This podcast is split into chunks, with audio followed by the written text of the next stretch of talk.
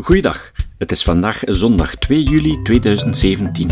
Ik ben Jozef van Giel en dit is de 327ste aflevering van deze podcast. Discussies in de publieke ruimte lijken alsmaar meer gepolariseerd te geraken. Neem gelijk welk onderwerp en weldra ontstaan er twee kampen die met getrokken messen tegenover elkaar staan. Als je in het midden probeert te blijven, dan word je door de ene groep naar de andere kant geduwd en door de andere groep naar de ene kant. In zijn nieuwe boek Samenleven met gezond verstand pleit Patrick Loobuik om opnieuw een open, beschaafde discussie te voeren. Op woensdag 14 juni kwam hij zijn boek presenteren in het Liberaal Archief in Gent. En wij mochten het opnemen. Vandaag kan je het tweede deel hiervan beluisteren. Dit is een live-opname en we hangen dan altijd wat af van de lokale geluidsinstallatie. De klank is niet perfect, maar toch goed verstaanbaar. Samenleven met gezond verstand. Vorige keer legde Patrick Loobuik de problemen voor. Nu gaat hij in op hoe ze moeten worden aangepakt.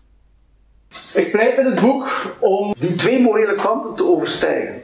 Ik denk dat de, dus nogmaals, dat dat, de, dat de modellen waarmee die mensen of waarmee die, die, die kampen naar de realiteit kijken, dat dat te eenzijdige modellen zijn, dat de werkelijkheid vaak complexer, genuanceerder is en dat we er dus beter aan doen hè, om ook wat meer feiten, eh, op feitelijke discussie te voeren in plaats van vanuit uw morele gelijk die al in uw buik vastgeënt zit, uw intuïtie, elkaar te lijf te gaan met heel veel emotie, maar met weinig redelijkheid en met weinig uh, gezond verstand.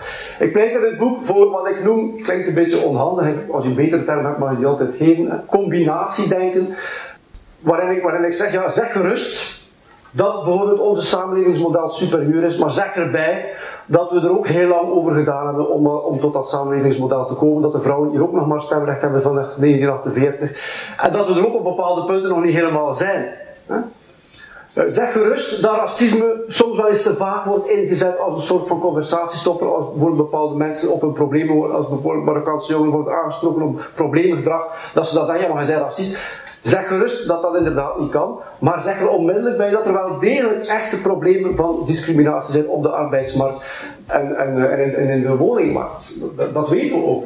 Dus probeer af en toe eens wat meer met twee woorden te spreken. Dat is natuurlijk lastig als je maar 140 tekens hebt. Hè. Dus, maar dat is toch een beetje mijn, mijn uh,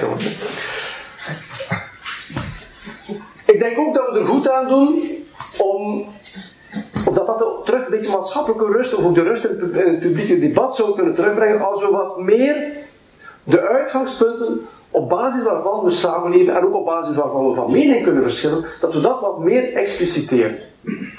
Vaak zie ik, maar heb ik het volgende beeld in mijn hoofd als ik die discussies zie. Ik zie groepen van mensen die op drijfstand staan en die in een moeras aan het wegzinken zijn, in hun eigen gelijk en nog een beetje met modder gooien naar elkaar. Hè. Dat is geen echt gesprek.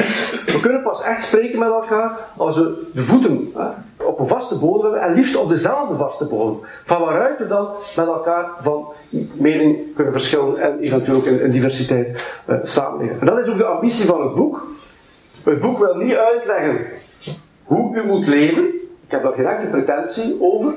Ik heb wel een idee wat een goede leven, wat het goede leven is voor mezelf. Ik wil dat ook delen als je dat wilt, maar ik heb geen pretentie om daar iets over te zeggen voor, voor u of, of, of daar richting geven. Het boek gaat niet over hoe we moeten leven, maar hoe we moeten samenleven en waarover eigenlijk een consensus zou moeten zijn. Ik spreek in het boek over een overlappende consensus. Ik gebruik, ik haal die term van inderdaad John Rawls, waarover ik hier ook al eerder sprak.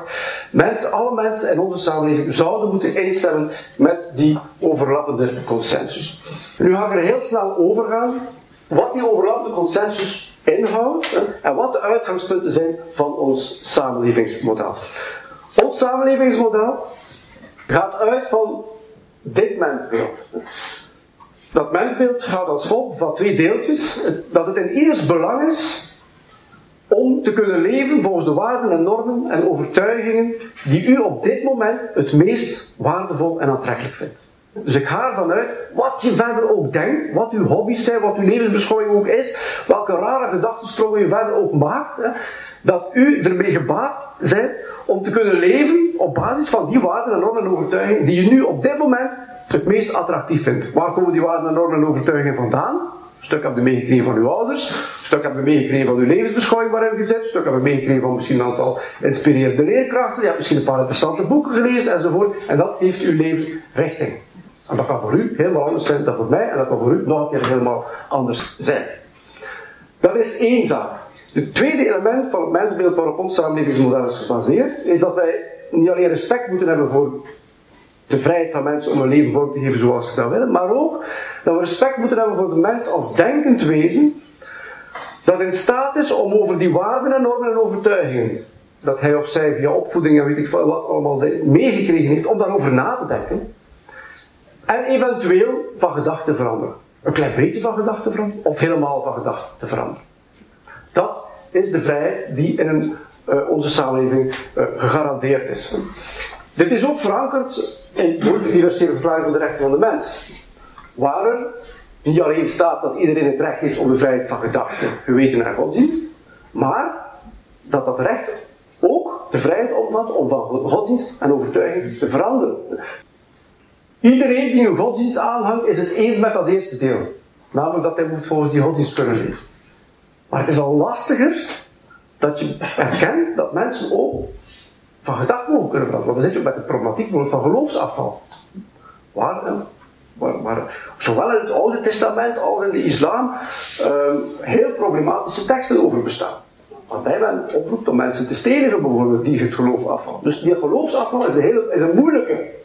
Nochtans is wel iets wat je moet aanvaarden, een basisuitgangspunt van onze manier van samenleven. Je hebt het recht om te leven zoals je wil, je hebt ook het recht om van gedacht te veranderen. Nu, als je respect hebt voor mensen als denkende wezens, dan moet je als samenleving onderwijs garanderen. Dat is, de, is de reden waarom wij leerplicht hebben in onze samenleving. Mensen worden niet vrij geboren, mensen worden vrij gemaakt door socialisatie en door onderwijs. Mensen die niet goed geïnformeerd zijn, die zijn niet vrij. Wat ben je trouwens met de vrijheid om te gaan en te staan waar je wil, als je niet weet dat Firenze een mooie stad is? Wat ben je met de vrijheid van meningsuiting als je niet geleerd hebt om op een adequate, kritische manier een mening te vormen? Dus als je respect wilt betonen voor je burgers als vrijgeleid individu, dan moet je onderwijs uh, garanderen. Dit is trouwens ook voor de mensen die mij op dat punt kennen, de reden waarom ik zo'n pleitbezorger ben voor lef. Levensbeschouwing, ethiek en burgerschap en filosofie, omdat ik vind dat je ook op, vlak van levensbeschouwing, als we onderwijs organiseren, organiseren we geen onderwijs om mensen dom te houden, maar organiseren we onderwijs om mensen adequaat te informeren. En dat betekent dat je als overheid de plicht hebt om eindtermen te formuleren, net zoals dat voor aardrijkskunde, geschiedenis en wiskunde doet en biologie, dat je eindtermen formuleert over levensbeschouwelijke geletterdheid, democratische geletterdheid, ethiek en filosofie. En dat is dat niet alleen uitbesteed aan de levensbeschouwelijke vakken, waar je, daar, waar je verder geen eh, vat op hebt. Hè. We organiseren eindtermen en een vak voor voor, voor, de studie van de wereld, hè, aardrijkskunde. We hebben eindtermen en een vak voor de studie van de levende organismen, de biologie. We hebben eindtermen en een vak voor de studie van het verleden, de geschiedenis. We hebben eindtermen en een vak voor de studie van de, de, de natuur, de natuurkunde en de chemie. Maar we hebben geen eindtermen en een vak voor de studie van ons eigen samenlevingsmodel. Nochtans is dat het enige wat we heel zeker weten over waar jongeren, wat jongeren later zullen doen. De een zal notaris worden en de ander zal OCMW-bediende worden, maar ze zullen allemaal moeten samenleven. Ik denk, er gebeuren al heel veel dingen in het onderwijs natuurlijk die, daar, daarmee te maken hebben, maar ik denk dat we het nog steviger kunnen verankeren als we daar eindtermen rond formuleren. Maar dat is een ander verhaal, maar het past er wel in. Nu goed, als je dat mensbeeld uh, dat ik geschetst heb aanvaardt, dan moet je aanvaarden dat er diversiteit in je samenleving zal zijn. Als je mensen laat leven volgens hun beste inzichten en voorkeuren, ja, dat u zult graag naar muziek luisteren, u zult graag naar sport kijken, ik zal sport achterlijk vinden, enzovoort. De zal zijn leven willen organiseren op een tekst uit de eerste eeuw na Christus, iemand anders zal zijn leven willen organiseren op basis van een tekst uit de zevende eeuw na Christus, en nog iemand anders zal zeggen, Kant heeft mij geïnspireerd, en nog iemand anders zal zeggen, ik heb Dirk Frost gelezen, ik vond dat fantastisch. Ik ga volgens zijn tien, volgens zijn tien geboden leven. Diversiteit troef, op dat punt moeten we in een open samenleving geen consensus meer verwachten. Mensen mogen leven volgens hun eigen inzichten. En dat wordt, die diversiteit wordt natuurlijk nog eens versterkt doordat we ook een immigratiesamenleving zijn, waarbij ook mensen uit verschillende uh, gebieden naar hier komen, met andere gewoontes, met andere culinaire en vestimentaire gewoontes, waardoor die diversiteit nog groter wordt. Hoe kunnen we nu, ondanks die diversiteit en ondanks die vrijheid die we aan mensen geven, toch samenleven? daar gaat het boek in essentie over. Ik denk dat het interessant is om drie niveaus te onderscheiden. Het eerste niveau is het individuele niveau. Dat is wat ik daarnet heb besproken. Iedereen is vrij om zijn eigen leven te organiseren op basis van waarden en normen en inzichten die jij het meest interessant vindt. Daar speelt diversiteit, daar verwachten we van elkaar een vorm van tolerantie. En die vrijheid wordt beperkt door het schadeprincipe. Je mag je leven organiseren zoals je wil, je mag sigaretten roken, maar je mag hier geen sigaretten roken omdat je niet wil, mag, omdat, het, je uh, anders andere mensen schaadt die, niet, niet voor gekozen hebben om door die sigarettenrook uh, geschonden te worden. Dat is het schadeprincipe heel eenvoudig uitgelegd. Op dat punt dus geen consensus. Soms zeggen mensen dat we nood aan gedeelde waarden en normen om samen te treden. Ik deel die mening niet. Je kunt perfect samenleven met mensen die heel verschillende waarden en normen en opvattingen op. Tweede niveau is ja, wat ik hier het maatschappelijk referentiekader noem. Je zou ook kunnen spreken over een soort nationale cultuur dit is iets waarover al wat meer consensus bestaat. Maar waar niet iedereen per se het moet mee eens zijn. Ik geef een voorbeeld, je kunt er talloze bedenken. Ik had daar hier kunnen komen in Miro. Het is er twee voor. Maar ik heb dat niet gedaan. Dat is ook juridisch niet strafbaar. Maar ik doe dat hier niet. Dat hoort hier niet echt. We hebben hier een maatschappelijke cultuur die zegt, mannen dragen een broek. En ik zelf ook nog niet een broek. In dit. Maar goed, ik had in short kunnen komen, daar ging ik eigenlijk ook niet meer in. We hebben hier tal van gewoontes, waar een vrij grote consensus over is. Sommige zijn juridisch afdwingbaar. We moeten hier bijvoorbeeld rechts rijden, en in Engeland rijdt maar links. Um, we hebben hier een aantal uh, afspraken rond etiketten en beleefdheid. Als je elkaar niet ontmoet, geven we elkaar een land. Dat zijn andere regio's misschien anders. Je kent dan ook de onhandigheid. Hè. Als je, moet je drie zoenen geven, twee zoenen, één zoen, geen zoen. Dat, zijn, dat etiketten. Dat maar er zijn er onuitgesproken vaak wel regels over. We spreken hier een bepaalde taal, namelijk het Nederlands. We vieren hier een aantal feestdagen. Ik heb er al eentje genoemd, ik heb er al twee genoemd eigenlijk. Kerstdag. Je kunt daar voor of tegen zijn dat we hier kerstdag vieren, maar we vieren hier nu eenmaal kerstmis. Je kunt voor of tegen Sinterklaas zijn, maar we vieren hier nu eenmaal Sinterklaas. Dat is belangrijk ook voor het verhaal rond immigratie en nieuwkomers. Als nieuwkomers naar hier komen, komen ze niet in een soort vacuüm terecht, cultureel vacuüm. Nee, nieuwkomers die hier komen, die worden geconfronteerd met een bepaalde maatschappelijke cultuur die hier bestaat en waarover, die historisch gegroeid is en waarover nogal wat consensus bestaat.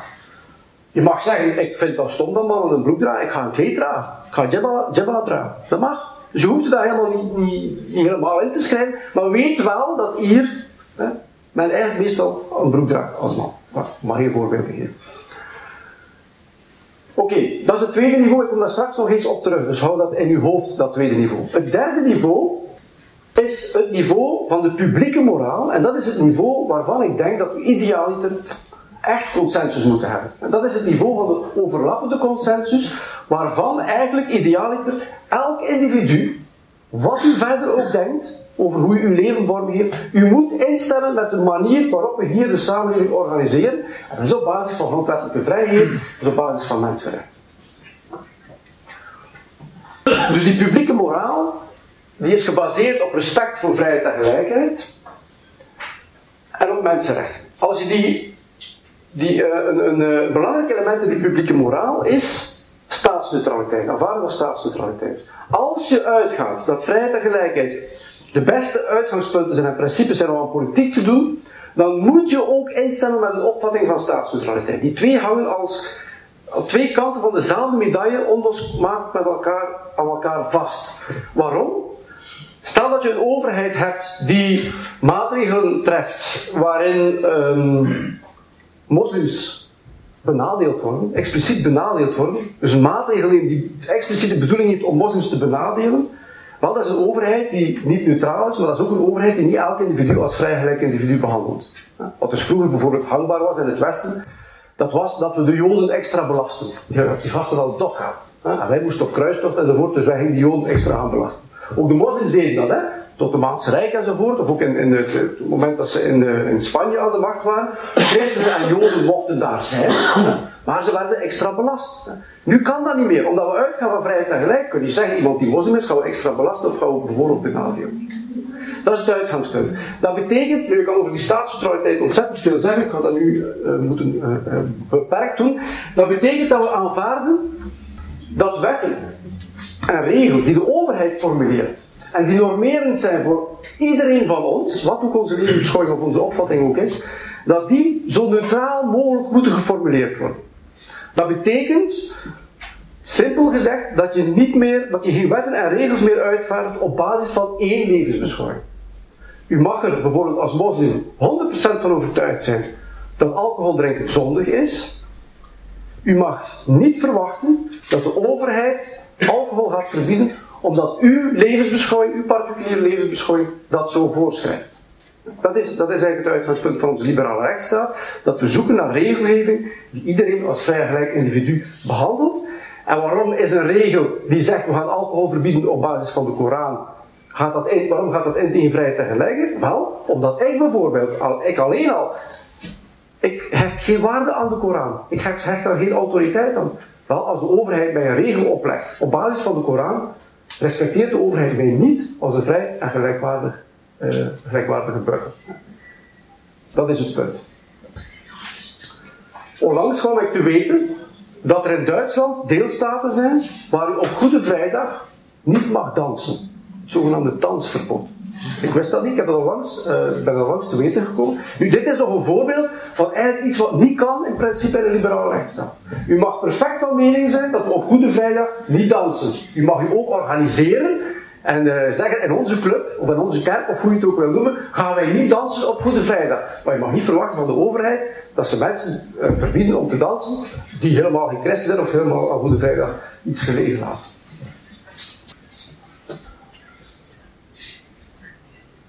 Dit is dus de manier waarop ik de samenleving uh, zie.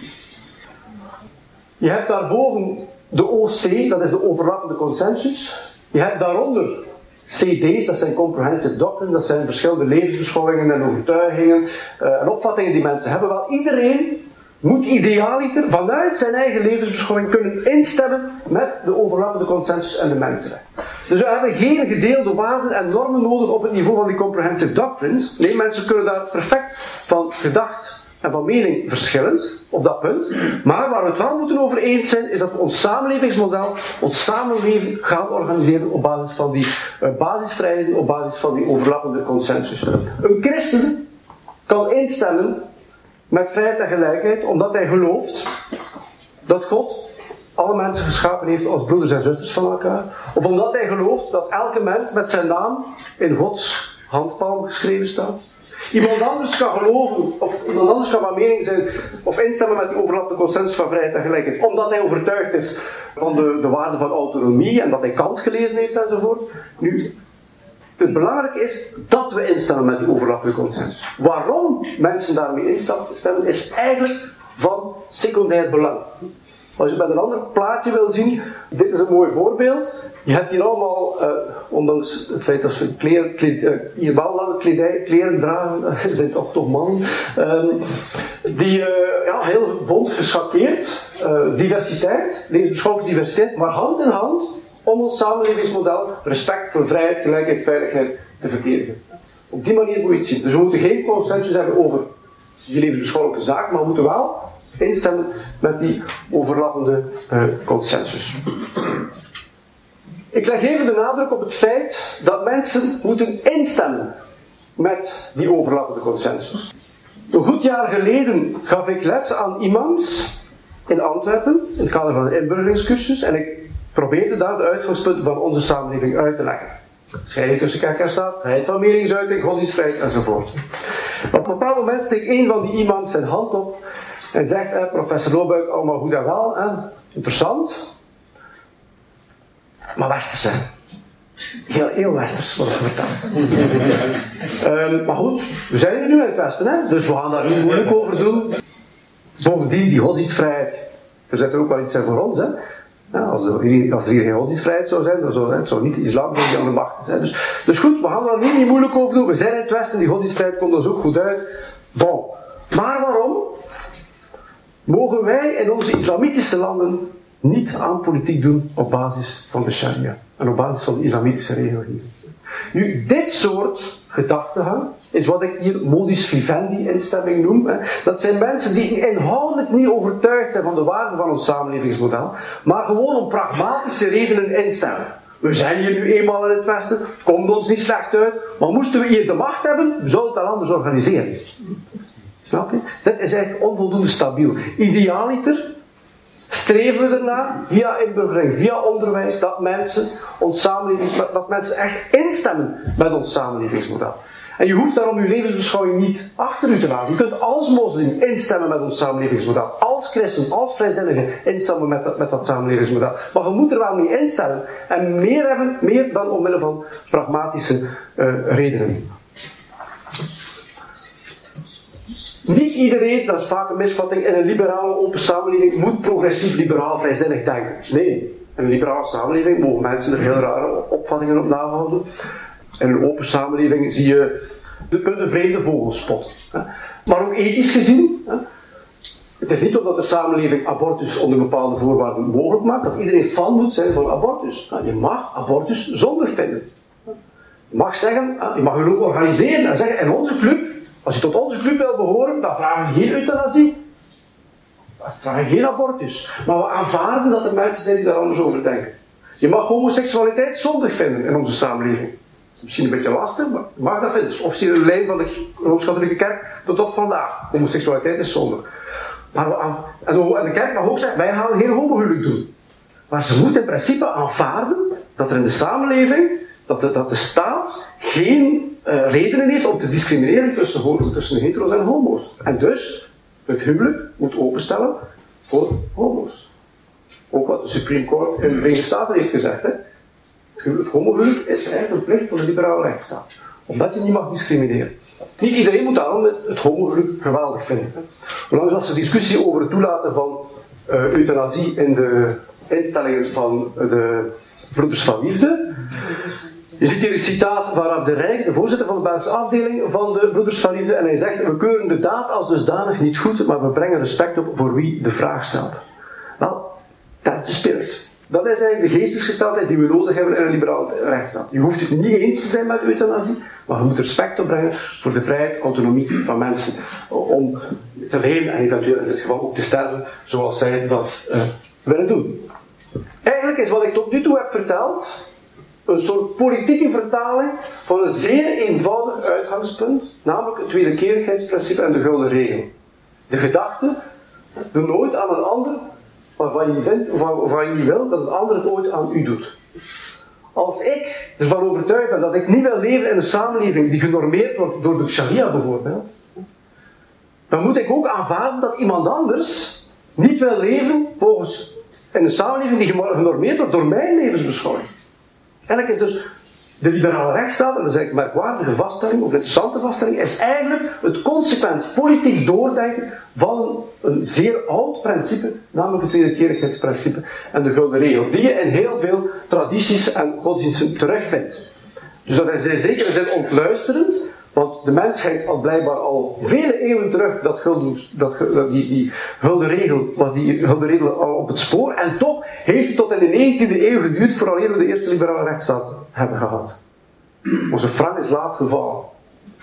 Maar het, goede daaraan is, als je terug dat beeld van die overlappende consensus en die, en die uh, mensen die er moeten mee instemmen, in heel wat levensbeschouwing heb je dus een handvat of heb je een ankerpunt en kun je zeggen, ja, maar als, je, als die gouden regel in je levensbeschouwing zit, denk daar een keer over na. Ja, voordat je vanavond gaat slapen, probeer een keer die gulden regel politiek consequent door te denken. Komt je toch wel op die liberale rechtsstaat uit. Dat is het punt. De twee eerste principes van de Franse Revolutie, vrijheid en gelijkheid, zijn hiermee besproken. Volgende keer spreekt Patrick Loobuik over het derde principe broederlijkheid. Het citaat. Het citaat van vandaag komt van Jozef de Kezel. De Kezel is sinds eind 2015 aartsbisschop van Mechelen. Hij wordt gezien als een vooruitstrevende bisschop, in tegenstelling tot zijn voorganger. Er wordt ook gezegd dat zijn benoeming tot kardinaal door Paus Franciscus eind 2016 een signaal van hervorming in de kerk zou zijn.